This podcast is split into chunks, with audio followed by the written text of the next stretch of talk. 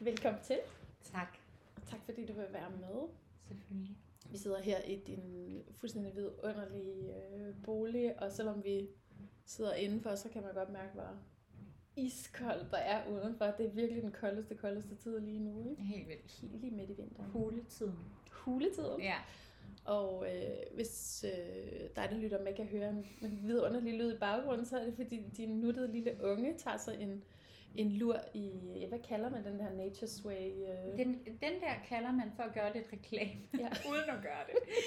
Så kalder man det en moonboo. Okay, Ja, der bare som står jeg vugger. Ja, som bare står og vugger. Ja. Og, øhm, og som jeg også sagde til dig, så øh, inden at jeg fik den, så havde jeg sagt til min mor, at folk kan jo heller ikke finde ud af at passe deres børn længere. Nej. Så ligger de dem bare i sådan en vugge. Og, Og øh, vipper. Og så vipper den bare. Ja, ja. Men så, øh, da Bent, mit seneste afkom, han var fem år gammel, så kiggede min mand og jeg på hinanden. Sagde vi, Sådan en skal vi have. Motor. Ja. Så hvis du kan høre øh, en, en rytmisk øh, vippen i baggrunden, så er det Bent, der tager sig en lur. Det Men øhm, har du lyst til at introducere dig selv lidt? det har jeg. Mm. Jeg hedder øh, Sofie, og jeg er øh, mor til to drenge. En på 5, der snart fylder 6, Kai, og øh, så lille Bent, som er lidt over 4 måneder. Mm. Øhm, og jeg er 28 år gammel. Jeg fik øh, Kai som 22-årig, og Mm. ja, Bent her som 28-årig. Mm. Ja, Ja. øhm, og vi bor i en villa-lejlighed i Torbæk, øh, og er selvstændige. Mm. Ja. ja. Og så, øh, så kommer det store spørgsmål. Mm. Hvordan, øh, hvordan har fødslerne været for dig? Jeg har haft altså nogle helt fantastiske fødsler. Jeg, har, jeg, jeg er sådan en, der synes, det er helt vildt langtrukken at være gravid. Øh, men jeg har også haft nogle fine graviditeter, og så har jeg haft nogle, øh, nogle helt vildt fede fødsler. Meget forskellige fødsler. Øh, jo, fordi øh, første fødsel, øh, det var på et hospital. Øh, jeg var 22 år gammel og øh, deltog i Anja Bejts smertefri fødsel. Og det er jo faktisk også første gang, jeg møder dig Mm. der, uden at vi sådan helt ved det, begge to. Vi har jo jævnaldrende børn. Ja, lige præcis. Og du sad øh, op under taget på Christianshavn, og jeg kan huske, at øh, du sad og lyste op over i hjørnet. Og jeg var ret interesseret i dig, uden sådan, at, uden sådan helt at vide, øh, hvad det drejede sig om. Mm. Øh, men der deltog jeg i smertefri fødsel, og, og når, når de andre kvinder sagde hjemmefødsel, og vi skal føde hjemme, så tænker jeg egentlig, det er ret spændende. Men havde også, har også samtidig en mor, som er jordmor, øh, og hun sagde ligesom, øh, det gør du ikke. Du føder lige første gang øh, på et hospital, og så kan du se, hvordan du føder. Øh, og så skal jeg nok lade være med at blande mig næste gang. så der, øh, der rettede jeg ind og, øh, og, og tog også alle de der, altså troede øh, hudløst på, at man ligesom skulle, du ved, øh, stå ret for systemet. Altså læge i den uge, øh, jordmor der, øh, øh, tage øh, tisseprøver øh, hele tiden og, øh, og alle de her ting. Øh, og det satte jeg mig ikke videre ind i. Altså, øh, fordi det, det gør man jo bare, når man er en del af systemet. Øh, og det er jo både på godt og ondt, kan man sige. Ikke? Øhm, så jeg, jeg, øh, men jeg dyrkede rigtig meget Anja Bejs teknikker, og, øh, og det gjorde også, at jeg fik en eller anden kraft omkring, at, at jeg virkelig så frem til den her fødsel. Og så tror jeg, at min, altså min første fødsel gik rigtig hurtigt. Og øh, øh, vi boede på Østerbro på det tidspunkt, og jeg skulle føde på Ride. Øh, og jeg lå ligesom derhjemme og havde vejer øh, ret voldsomt om morgenen, og så som lyset tog, kom, så aftog de. Øh, og så lå jeg ellers hele dagen og samlede kræfter op, og så øh, mit tyregen øh, gjorde, at jeg også ligesom tænkte, du skal også have en masse kræfter til, til fødslen, så jeg spiste og spiste og spiste hele den dag.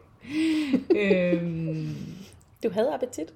jeg havde faktisk appetit, ja. Mm. Øhm, modsætning til min anden fødsel. Øh, så da klokken var 8 om aftenen, så kom det her fantastiske ur, urråb. Øh, helt inde midt for kroppen. Og øh, så kiggede Michael og mig på hinanden, og vi, vi grinede faktisk, fordi vi også var sådan, øh, altså var blevet forberedt på, at det her indre råb skulle komme. Så vi var rimelig smadret grin, da jeg ligesom havde lavet så kiggede på hinanden, så var sådan, nu skal vi afsted. altså, ja. Mm. Øhm, og så, så øh, kørte vi over til Ride, og blev modtaget af en ældre jordmor, øh, og der var ikke nogen ledige stuer, så jeg blev placeret i øh, et kosteskab med en seng, kan man vist roligt kalde det. Og for ikke at vide, at det ikke er der, jeg skal føde, så jeg kigger på Michael og sådan, altså, jeg vil jo gerne føde i vand, og altså, tror du, det er her, vi skal være? Sådan, så det var ligesom velkomsten. Og igen, man har aldrig prøvet noget, så når jeg ligesom ser tilbage på det, så tænker jeg sådan, altså godt, at man er lavet ud af, af et sådan rimelig stærkt materiale. Fordi hvis man nu var helt vildt usikker og bange for føde og sådan, så øh, havde det da været rimelig stenet at være blevet modtaget sådan. Men øh, vi kommer ind på en stue, og der er ikke noget, der er ikke nogen rum ledet i min fødekar. Jeg tænker, fuck det. Altså, vi, jeg tager ham min squat, eller et eller andet, ikke? og så øh, kommer der den sødeste unge jordmor ind, og øh, giver hende papirerne om smertefri fødsel, og hun har hørt om det, og synes, det er rigtig fint. Og så kører vi egentlig selv showet. Øh, Kai, han var stjernekigger. Øh, så, øh, så der var ligesom en, en proces, hvor jeg, jeg får, jeg når at få et lavmang, det er mange, Lavmang. lavmang, ja. og, øh, og det er det sådan de der de gyldne 10 minutter, kalder jeg dem, hvor jeg virkelig øh, husker det som værende det hårdeste. Altså øh, på daværende tidspunkt. Mm. Udover at jeg også også kastet helt ekstremt op, fordi jeg jo simpelthen havde spist så meget med. og det var der ingen, der havde fortalt mig. Altså at man kunne kaste op. Nej. Så det, og det kan man jo, ja. selvfølgelig. Øh, men, øh, men så, øh, så kan jeg huske, at jordmoren hun ligesom siger, at han er stjernekigger, og, øh, og, og han kommer nok ikke i dag. Øh, han vil nok have fødselsdag samtidig som sin far, fordi Michael fyldte 30 dagen efter. Men, øh, men det vil han ikke. Han vil have sin egen dag, og øh, Michael bliver så til at lave robosu på mig. Og så lige så jeg bare sådan, jeg skal simpelthen øh, presse. Altså, min krop ville presse. Det var ikke mig selv. Altså sådan, jeg havde den, den der, hvor kroppen ligesom begynder at gøre arbejdet selv. Ikke? Og øh, det... Øh, og, så, og så sagde jeg mig, nej, nej, men det er alt for tidligt. og, øh, og hvor jeg var sådan, nej, altså, det er ikke, det er nu. Øh, og jeg vil gerne have den der fødeskammel ind. Så jeg, øh, vil, fordi jeg vil gerne have Michael taget bag ved mig. Øh, så den der voksenpotte, mm. hesteskoen kom ind. Og, det ligner så næsten et slags toilet, ikke? Jo, lige ja. præcis. Og, øh, og så øh, kom han kvarter efter. 14 minutter i 12. Den 25. marts. Og øh, det var jo simpelthen helt fantastisk. Og også det der med, det der med at føde første gang, der vil jeg sige, at jeg følte mig mere frygtløs end anden gang. Mm. Fordi man glæder sig, der er adrenalin, når du også er i et øh, momentum om, at du altså også er oppe og køre over selve fødslen, så er det ligesom øh, bare fedt at være i på en eller anden måde. Ja, det gør ondt, og øh, der er mange ting, man ikke kender ved det, men det er mere det der med sådan, øh, der er jo et rush, du kører på en masse oxytocin, og jeg havde også bedt om at have, have helt dæmpet belysning derinde, og jeg synes egentlig, at hele det der forløb, der var der et rigtig fint samarbejde mellem mig og min mand, og så en, en ung jordmor, der respekterede, at vi ligesom havde vores egen. Nu vågner powernapperen. Jeg holder lige den her med, så kan du lige snippe ham her.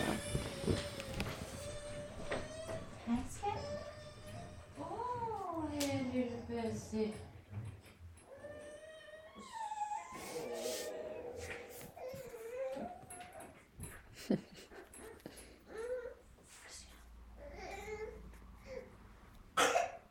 Skulle du hoste? Skulle du hoste? Ja. Nu får du lidt mad, skat. Ja, lidt mad.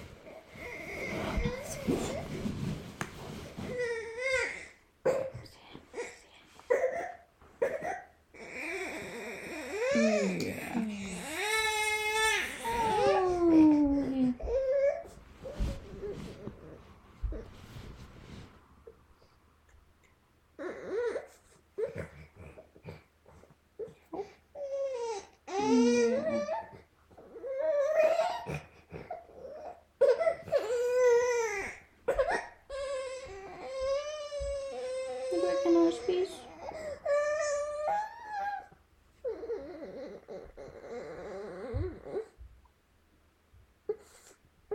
Nej.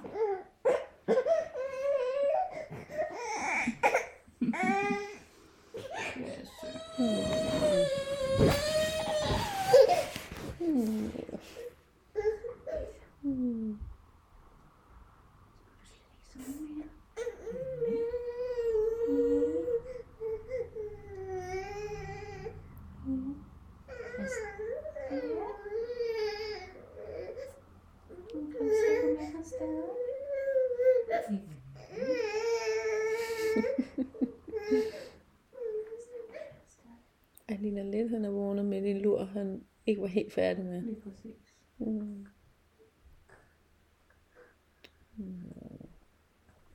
Sove lidt mere, måske kan sove lidt mere.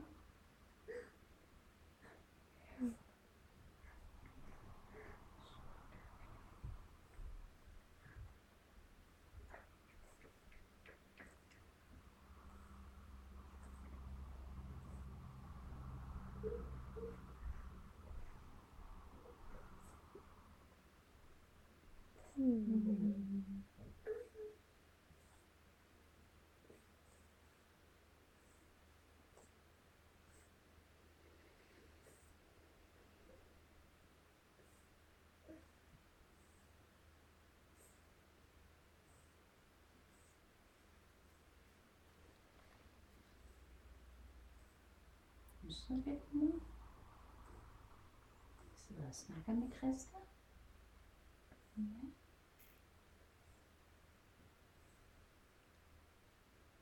Jeg er så træt.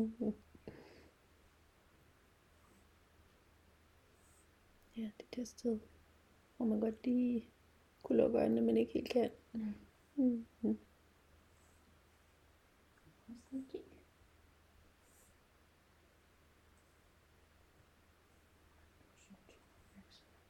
Mm.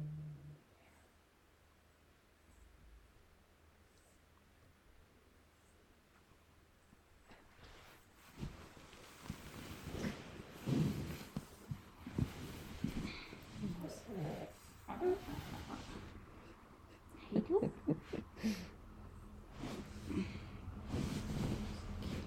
Han har bare det gyldne hår, det er så smukt. Mm, ja. Jeg plader det.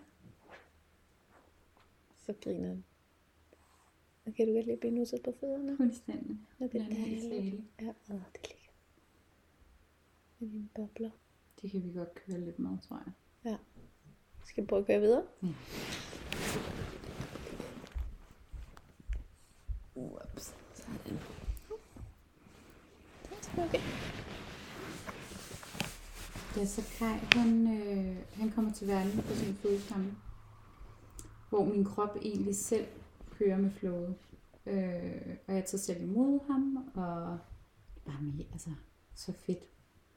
Og kæmpe, øh, ligesom, øh, går derfra med en fed følelse med jordmoren, og stor ros, og altså kører på hele det der kæmpe store oxytocin boost, og ja. Og så kommer vi ud på, der var barselshotel ude på Østerbro dengang. Øhm, og der skal vi egentlig være ude.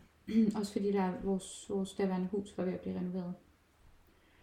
Øhm, og så bliver vi bare mødt af, af, en, af, en, af en ung jordmor, som bare ikke er okay.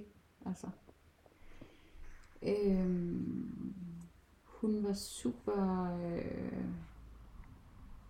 hun gik super meget op i at vise sin faglighed og hvad hun kunne, frem for at se, hvilke mennesker vi var. Øh, og hvad vi kom med. Fordi alle kommer med det samme som førstegangsforældre. En kæmpe sårbarhed, en kæmpe uvidenhed. Øh, og hun havde ligesom hatten på omkring, at vi burde vide det meste. Og super travlt, og du ved, Hvordan spillede det så ud? Kan Det- du at forklare det? Det spiller sig egentlig ud i vores øh, modtagelse. Og jeg havde, jeg havde mistet sådan lige til den gode side af blod. Og havde heller ikke rigtig, øh, havde jo kastet alt op. Så jeg var faktisk lige bleg, da vi kom derud. Øh, og så var hun sådan, øh, øh, jeg viser din mand rundt, du bliver liggende her, du kan jo ikke stå på dine ben. Altså sådan, med den der tone på, ikke?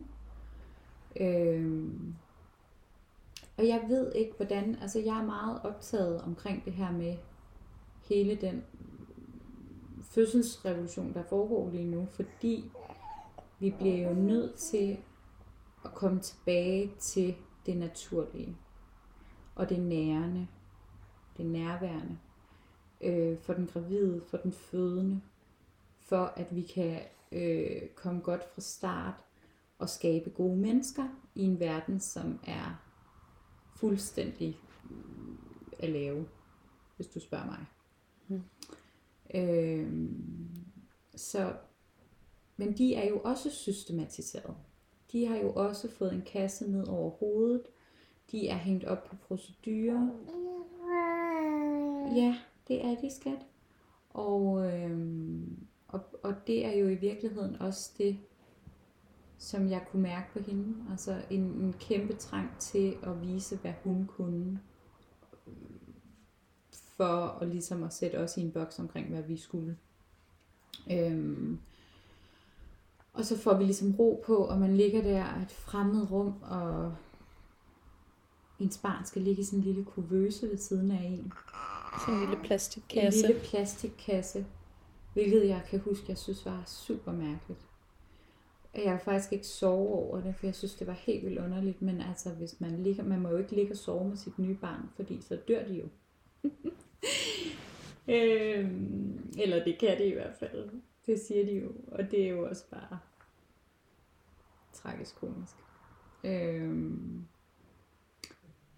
men så kom min mor heldigvis næste morgen, og øh, hun sagde, Kai, han vil bare ligge på dit bryst. Og det skulle bare det, han gøre. Du ligger ham bare med på maven, med hovedet til siden, og øh, hud mod hud, og så har du hans dyne over dig, og, øh, og over ham, ind under dine arme, og så din dyne længere ned. Og så har du selv ned over skulderen. Og sådan lå Kai og mig og sov de næste tre måneder. Øhm, og det var så skønt. Altså at have ham ved mig. Kan du komme tilbage til den følelse, det var, inden din mor kom? Jamen, det, det var faktisk det, jeg ville, fordi så kommer, øh, så kommer min mor næste morgen, og så kommer hende her ind, og jeg kan lige, altså, øh, så kommer hun ind, og så har vi øh, gardinerne rullet for. Og så kommer hun over, og så hiver hun i gardinet. Er I ikke godt klar over, at øh, det kan fremme guldsol? Barnet skal have noget lys. Og så vi, vi var alle sammen sådan helt, nå. Øh. Og så sagde min mor, øh, nu er jeg sådan set jordmor igennem øh, 30 år, så jeg ved godt, hvad sådan nogle små nogen har brug for. Og så er der jo åbenbart et eller andet hierarki. Så når sådan en gammel jordmor sidder i rummet, og en sådan en ung jordmor finder ud af det, så øh, blev hun jo fuldstændig op. Tog en helt anden hat på. Øh, og det har min mor og jeg faktisk også snakket om et, nogle gange siden. Altså, øh, fordi hvis hun nu ikke havde været der, hvilken, hvilken protokol var vi, altså hvilket skriv var vi så også kommet med derfra, ikke? Hvilken, øh, hvad havde hun øh, ligesom sendt os afsted med derindefra? Også fordi der kunne jo også være sket alle mulige ting, så vi skulle tilbage, og man bliver jo målt og varet. Og det, øh, der melder jeg mig også bare ud, må jeg sige. Altså, øh, fordi jeg vil ikke måles og vejes på, hvad andre synes, om jeg gør rigtigt eller forkert. Altså, Øhm, fordi så lige pludselig så kommer systemet med den store hammer og skal sige, at man ikke er enten det ene eller det andet. Det bryder jeg mig virkelig ikke om, og det synes jeg er rigtig skræmmende. Øhm, Følte du dig dømt? ja, og ikke egnet. Altså, jeg er 22 år gammel. Altså, jeg tror, det er rimelig chilleren, fordi min mor var der, men jeg tænker sådan tit over, at vide, sådan, hvis, man, hvis hun ikke havde været der. Så, øhm, Den, den støtter på dig. Ja. Og det var jo simpelthen også det, der gjorde, at jeg øh, var ret fast besluttet på, at når jeg engang skulle føde igen, så skulle jeg ikke føde på et hospital. Og det, der sker i mellemtiden, det er også, at min far han bliver rigtig syg, og han dør øh, af kræft. Øh, og vi tager afsked med ham på Hvidovre Hospital. Og der kan jeg lige så tydeligt huske, da jeg kørte hjem derude fra om morgenen, og han havde altså også sådan institutioner og altså sådan steder, hvor folk bliver sat hen, fordi at man så tror, man gør noget godt for dem. Altså store institutioner som sygehus eller store børnehaver eller store skoler. Altså de steder, hvor at alt det autentiske er blevet taget ud, bare for at gøre noget øh, effektivt. Øh, så så øh, der kan jeg lige så tydeligt huske, at jeg bare var sådan, skal på et sygehus igen. Altså, at jeg skal ikke føde mine raske børn på et sygehus. Et sted, hvor folk er syge og bliver mere syge for det meste. I min optik. Så jeg, øh, vi var tilbage, vi kom derover igen, fordi han skulle jo tjekkes til det der, den der hæleprøve. Og øh, ja, det gjorde vi også bare, fordi det skulle vi. Men det er jo fede er jo et at blive ældre, og også det der med at undersøge noget mere. Der er jo ikke noget, man skal, hvis man ikke vil det. Men det er der simpelthen for få gravide, der ved. At vi har muligheden, og vi har faktisk, øh, vi har faktisk, øh, vi er her over egen krop. Og over eget barn. Der er ikke nogen, der kommer og føder for os. Der er forhåbentlig nogle kompetente jordmøder med overskud, som vil guide os på bedste vis igennem, men vi kan ikke vide det. Og jeg synes, det var skræmmende, øh, da jeg så blev gravid med Bent, tanken om at skulle føde med en, som jeg ikke kendte. Altså sådan, altså hvad er det? Og har, har hun en dårlig dag? Altså har, har manden sendt hende dårligere sted? Har børnene sendt hende dårligere sted? Har hun været på vagt i over 24 timer? Altså sådan, vi ved det ikke. Øhm, så det, det kunne jeg slet ikke forholde mig til. Og der startede der jo så øh, den her fantastiske pandemi, øh, som lukkede alt ned. Og jeg, øh, vi hører på Hillerød, vi er til Hillerød, selvom der er 40 minutters kørsel deroppe. Øhm, og der ringer jeg op til dem, da pandemien ligesom er startet, og så siger jeg, at vi, øh, vi tager private scanninger. Øhm, og jeg skal føde hjemme, og så, sig, så bliver jeg egentlig bare mødt med sådan en, øh, nå, jamen, øh, så må du jo ud og finde en privat jordmor. Det er nok også det, der er bedst. Og så bliver jeg bare sådan faret af på en eller anden måde. Øh, og de har indført de her telefonopkald med jordmøder deroppe fra, hvor man skal sidde klar ved telefonen. Øh, og man har 15 minutter. Og hvor jeg var sådan lidt, altså, at det behøver jeg bare ikke. Altså, det behøver vi ikke, Bent. Vel? Så, vi, øh, så det meldte jeg mig faktisk af. Øh, og så kontaktede jeg jo dig. Og vi havde jo været i kontakt før, fordi jeg jo tilbage i 17 havde sådan en, øh, kalder man det, falsk graviditet, hvor vi troede, jeg var gravid, men så var det ligesom aldrig blevet befrugtet. Så det var Et mola. et mola. Ja. Øh, men der, der havde jeg jo kontaktet dig, og var ret klar over, altså sådan klar over, at det var Christa, jeg skulle føde med. Og øh, så det vidste jeg jo også godt den her gang. Og det var jo så dejligt, for du er ikke, du er ikke bange for corona. så det var ligesom, øh, det passer mig godt. Så jeg var ligesom bare, glæder mig rigtig meget til, at der er Michael skulle med hinanden. Fordi kemien frem for alt, ikke? Og det er jo så sjovt, det der med sådan, altså, og Mik I havde jo en fantastisk kemi. Øhm, og så under min graviditet, når jeg mødte folk sådan, Nå, du skal føde hjemme, og kommer der så en jordmor ud? Så jeg, nej, men jeg kender jordmoren, og men kommer der så ikke andre, og hvad så? Og jamen, tænk, at du tør. Eller sådan, jamen, altså, tænk, at du tør tage på et hospital. Altså. Sådan havde jeg det virkelig. Det er sådan, jeg tænker det, ser. Og, og igen, så det skal jo ikke være os eller dem. Men det her, det handler om, er du tryg ved at få et kejsersnit? Er du tryg ved at føde hjemme? Er du tryg ved at være i et kar? Den gravide, den fødende, skal have mulighed for at gøre det, hun er tryg ved. Og blive modtaget i tryghed og omsorg. Øhm, og, og, og der oplever jeg, at omsorgen er væk.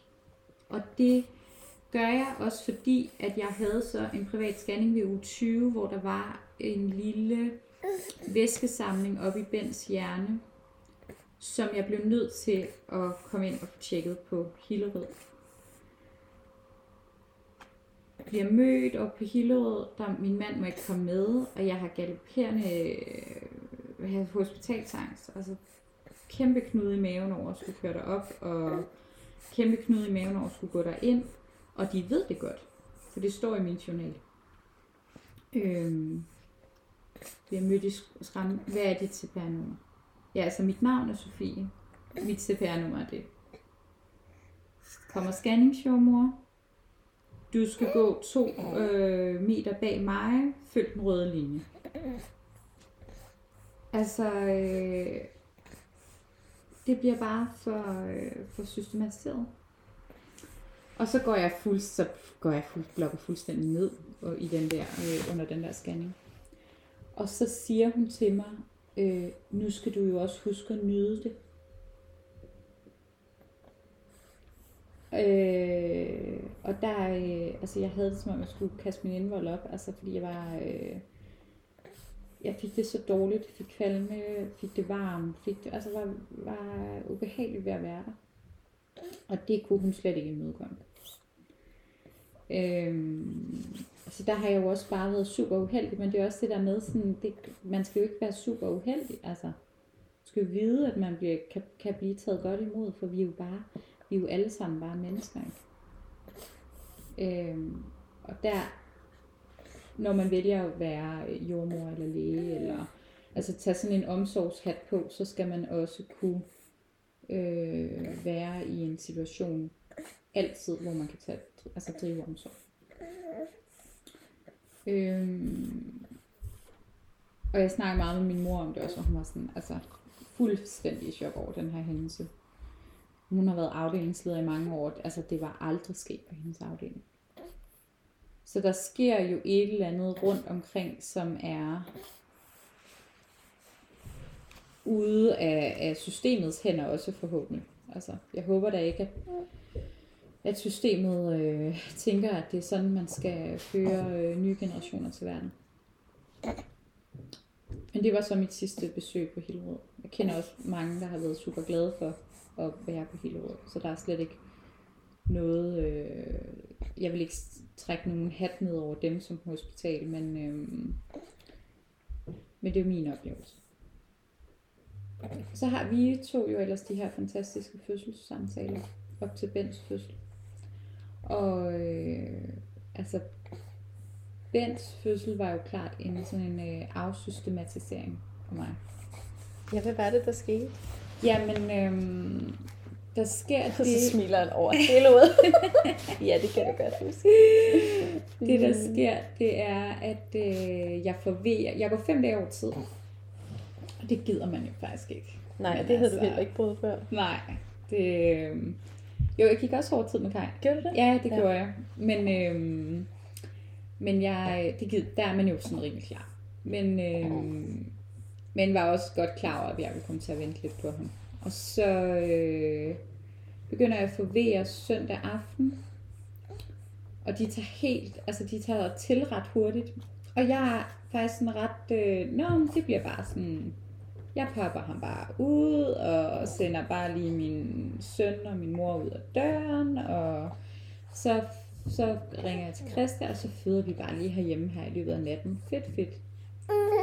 Øhm, men altså, det var jo så overhovedet ikke det, der sker. Også fordi jeg ligesom, åh, jeg havde planlagt det hele, og lys, og øh, man føder ikke sine børn om dagen jo. Altså, man føder dem Man kun kun føde om natten. Ja, så øh, det er jo ligesom sådan, selvfølgelig kommer jeg til at føde her i nat. Og øh, får sagt til Kai, at når han kommer hjem fra børnehave i morgen, jamen så er der en lillebror, og altså bare sådan helt, tænker bare, det kører bare. Mm. Øhm, og så har vi rækket op med madras ude på gulvet, og Michael og mig, vi ligger og putter, og vi har ringet til dig. Og så bliver Kai helt vildt ked af det over, at han skal afsted der midt om natten. Og altså se, set nu, så vil jeg bare sådan helt vildt gerne have gjort sådan, at han bare havde fået lov til at ligge og sove. Men øh, jeg vil også helt vildt gerne have, at det bare var en oplevelse for Michael og mig. Så det var sådan øh, lidt ligesom når, altså at fødslen stopper lidt, når man kommer ind på hospitalet, så øh, blev jeg også sådan rimelig meget hyldet ud af, at jeg havde en femårig, som forlod huset græden. Øhm, og så fem minutter efter, så stod du der, og så tænkte jeg, ej, nu har jeg, altså, nu har jeg jo Christa herud midt om natten, og ej, nu, altså, nu skal jeg simpelthen bare føde.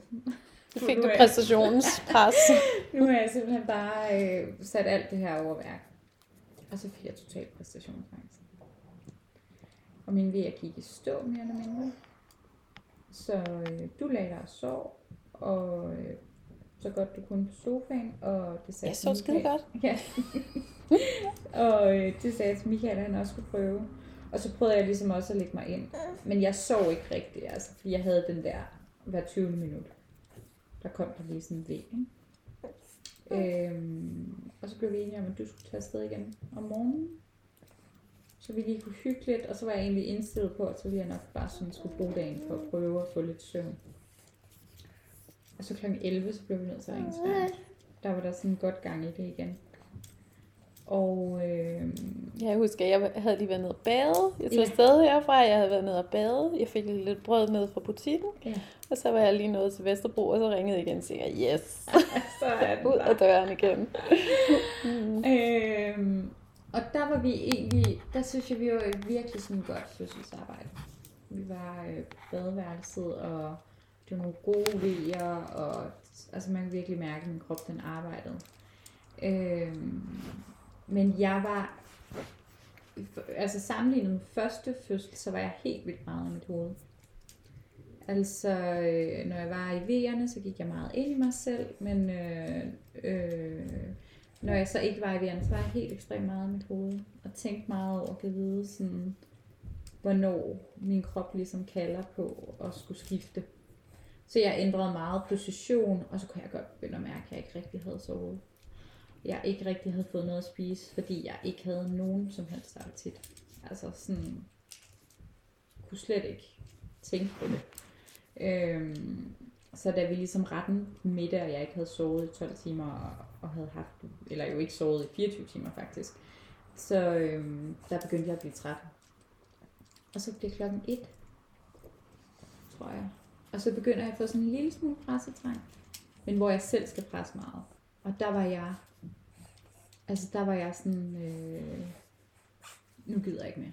Nu tager jeg en lur, og så øh, gør vi det her senere.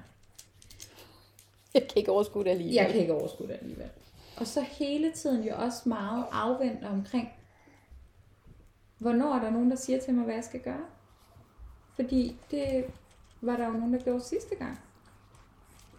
Og der var det jo så fedt, altså hver gang jeg ligesom rakte ud, så var du ligesom sådan, jeg rækker ud til dig, men ved, at du skal række ud til dig selv. Jeg kan ikke fortælle dig, hvad du skal gøre, fordi det er kun dig selv, der ved det. Og det havde du jo så ret i, altså. Jeg kan huske, at jeg på et tidspunkt siger, jeg vil have, at du skal fortælle mig, hvad jeg skal gøre. Jeg gider ikke mere. Det kender man jo godt. Ja, øh, men det var også fordi, at øh, lyset var helt ekstremt. Altså det var som at sidde øh, fuldstændig, solen skinnede lige i, på badeværelset.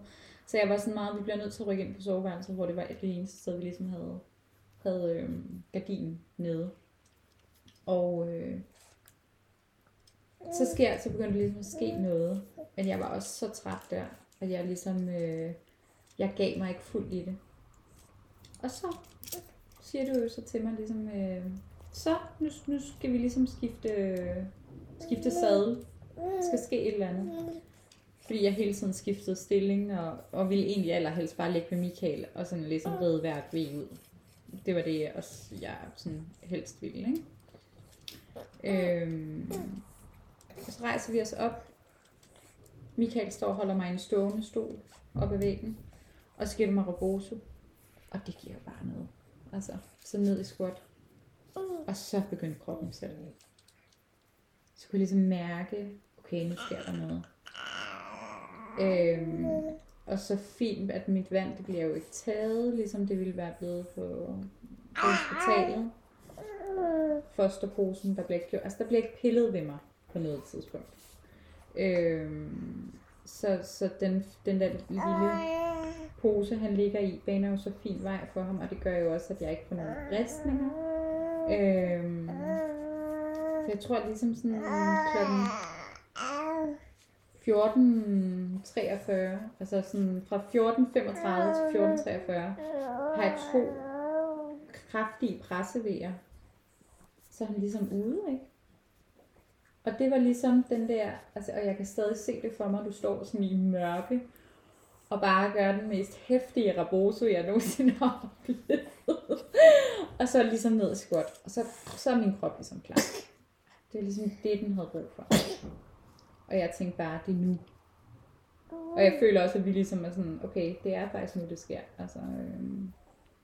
Og så siger du til mig, prøv lige at mærke, øh, fosterposen er dernede. Jeg var sådan, hvis det ikke er hans hoved, der er dernede, så gider jeg simpelthen ikke at mærke der blev jeg sådan sur. Du blev så knæven. jeg gider ikke at mærke andet end hans hoved. Jeg var sådan, nej, jeg gider ikke at mærke. Mm. Du var sådan, jamen det er fosterposen, det er så fint. Jeg var bare sådan, nej. det er ikke godt nok. det er ikke godt nok. Og så kommer han jo ud og står stille i et V, altså imellem et V, hvor det er øh, hans hoved, der kun er ude. Og når sådan et lille barn ligger inde i den der fosterpose med vand omkring sig, det er jo sådan ret vildt at se, men det var ret trygt at se. Fordi jeg tror, hvis han ikke havde haft vandet i fosterposen og bare hang der i sit hoved, så ville jeg have været sådan, okay, creepy nok. Altså, øh, hvordan har, har, er han okay? Men jeg vidste, at han ligesom havde sit vand og sin, sin, lille, sin lille hyggepose. Øhm, og det var sådan virkelig fint. Altså. Ja, det var så fint. Så kom han jo op til os. Så ham ud. Du breakede øh, posen. Han blev født i, helt i hænderne, så jeg, må, jeg var ligesom nødt til at tage det lidt væk fra hans ansigt. Ja. og øh, ja, hans, han, hans fostervand det var måske en lille bitte, bitte smule grønt. Det kan vi se i hans hår, ikke? Men ikke noget. Altså, og det jeg også synes, der var så fint, det var det der med, at mit moderinstinkt ligesom kunne mærke, nu vil jeg gerne have, at du lige øh, hører på hans hjertelyd. Og så var du ligesom, hvor du også var sådan, ja, det havde jeg faktisk også lige tænkt på, det synes jeg er fint, vi gør det nu. Så sådan et virkelig fint samarbejde og en ekstrem øh, stærk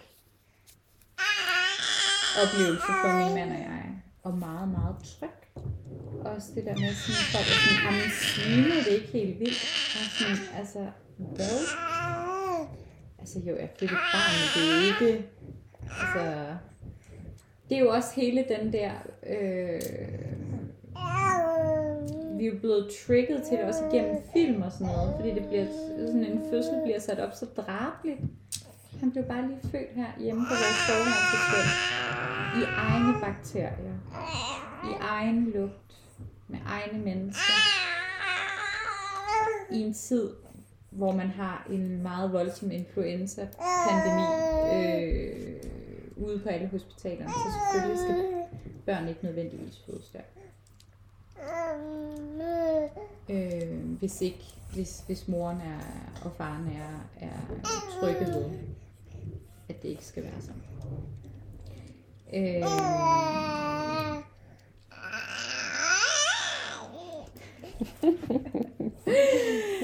og øh, ja, så, lå- så lå jeg bare i sengen.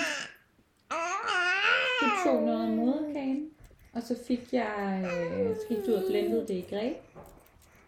Med greb, og øh, det var jo øh, for dig, altså udefra set, udefra set, så øh, tænker jeg, det var lidt som at se et dyr øh, spise øh, moderkagen, da jeg fik det der juice, fordi det var så tiltrængt.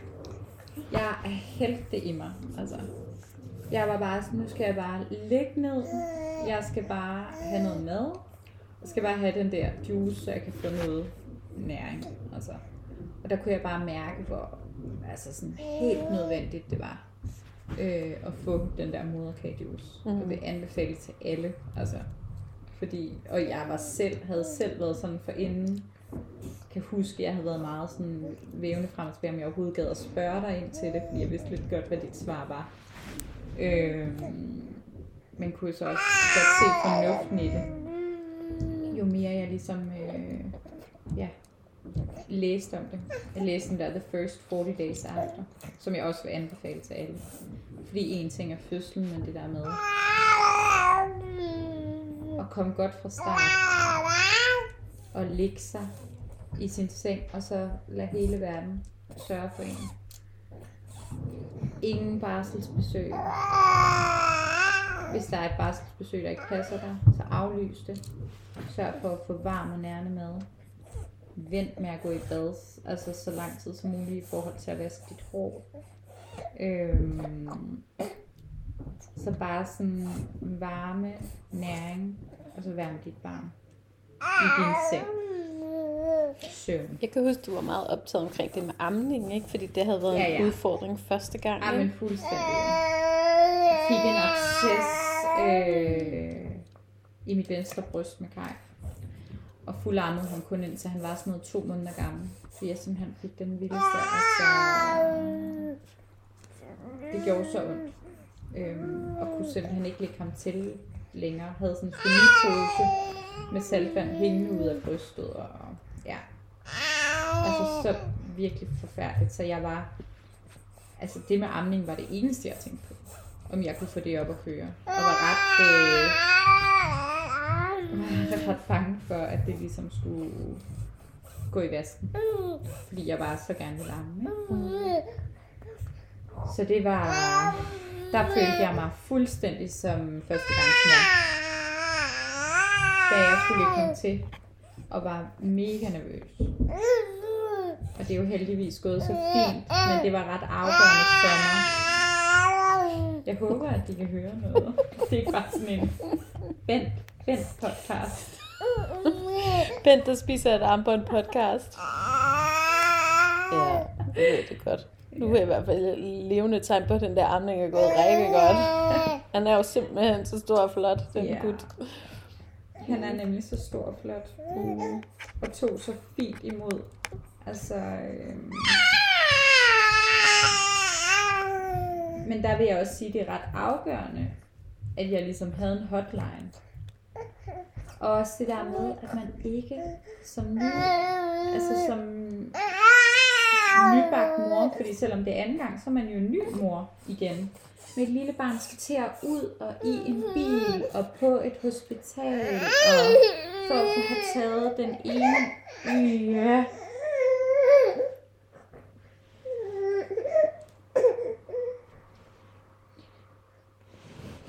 Men at man ikke som, altså det der, der er så meget stress den første uge efter. Ind og have taget hælprøve inden 72 timer. Øhm, hvordan ser tungebåndet ud? Hvad vejer baby? Taber baby sig sådan. Og det er jo, det er jo alt sammen gjort fra, ud fra et godt sted. Der er nogen, som ikke ved noget om det her, der tænker, at det er sådan, man skal gøre det. Jeg tænker, det er sådan, systemet er sat op.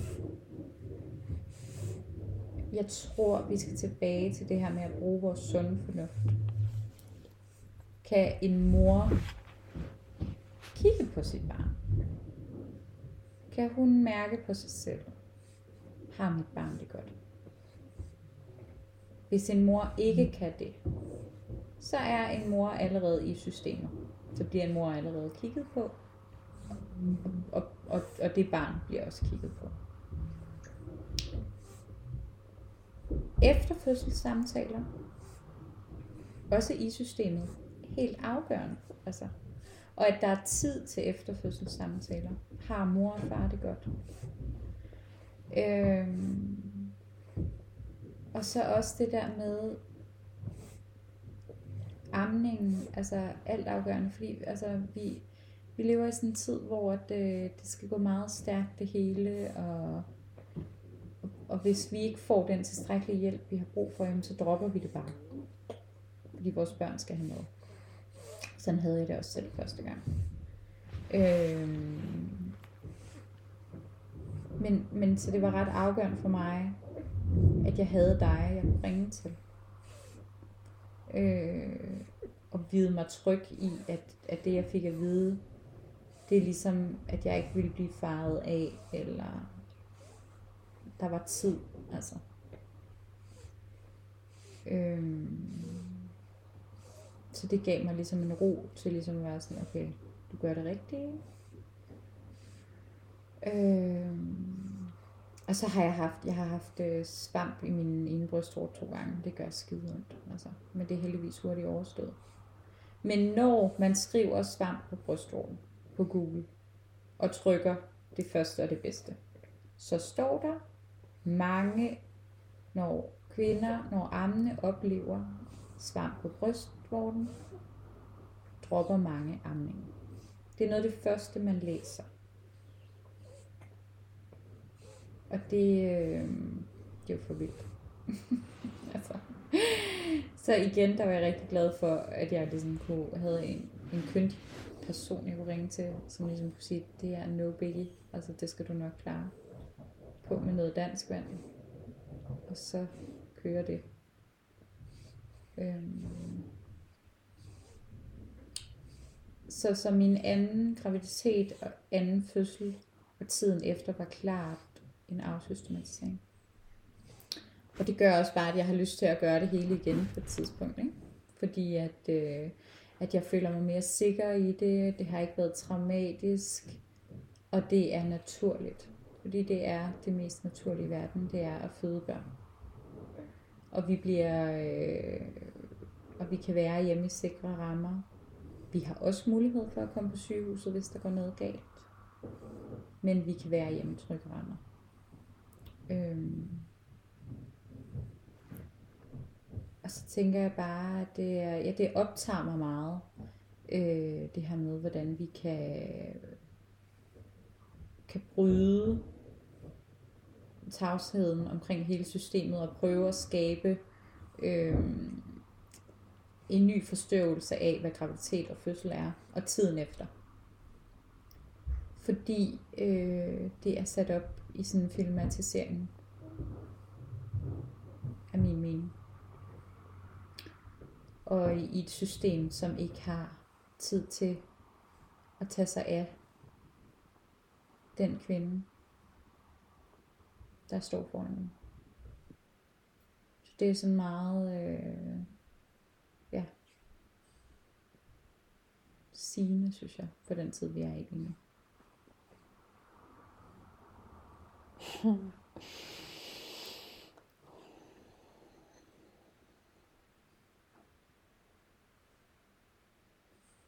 Tingene tager nemlig rigtig lang tid. Og de hænger sammen. Ja. I hvert fald nu, for dig. Ja, og så også det der med ligesom at prøve at skabe en forståelse af,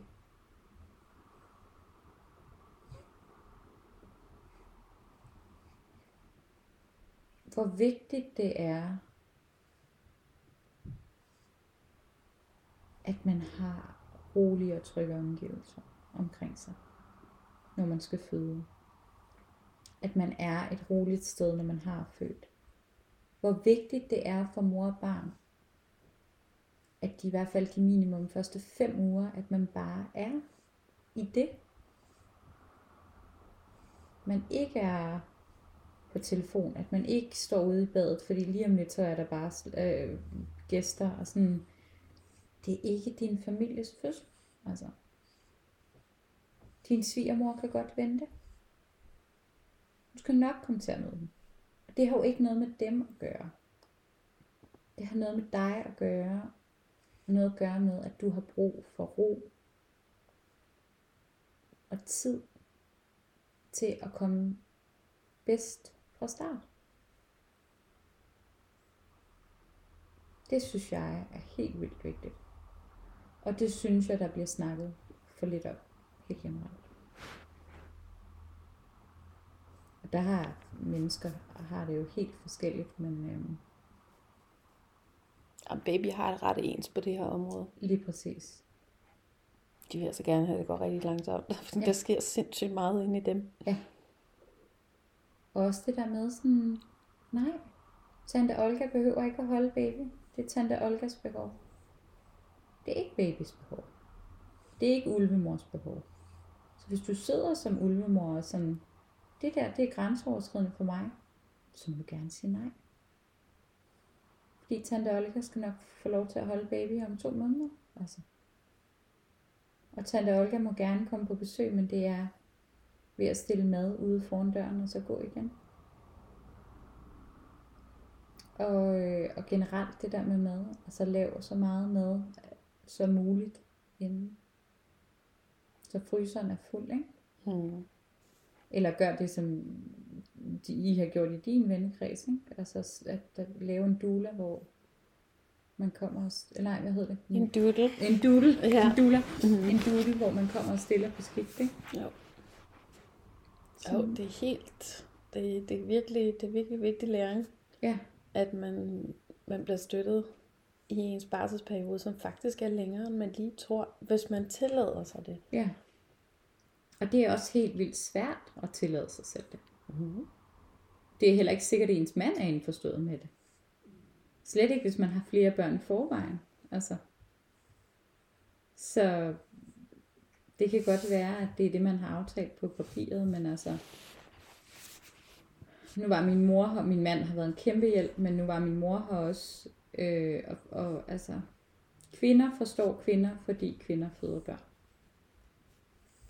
Så så mange kvinder som muligt, så meget mad som muligt, så meget ro som muligt. Det var ligesom- ja. Det må ligesom være øh, Hmm. mit mantra. Mad og ro og, og, og community. Det, Den plade, den kender jeg også rigtig godt. Ja. ja.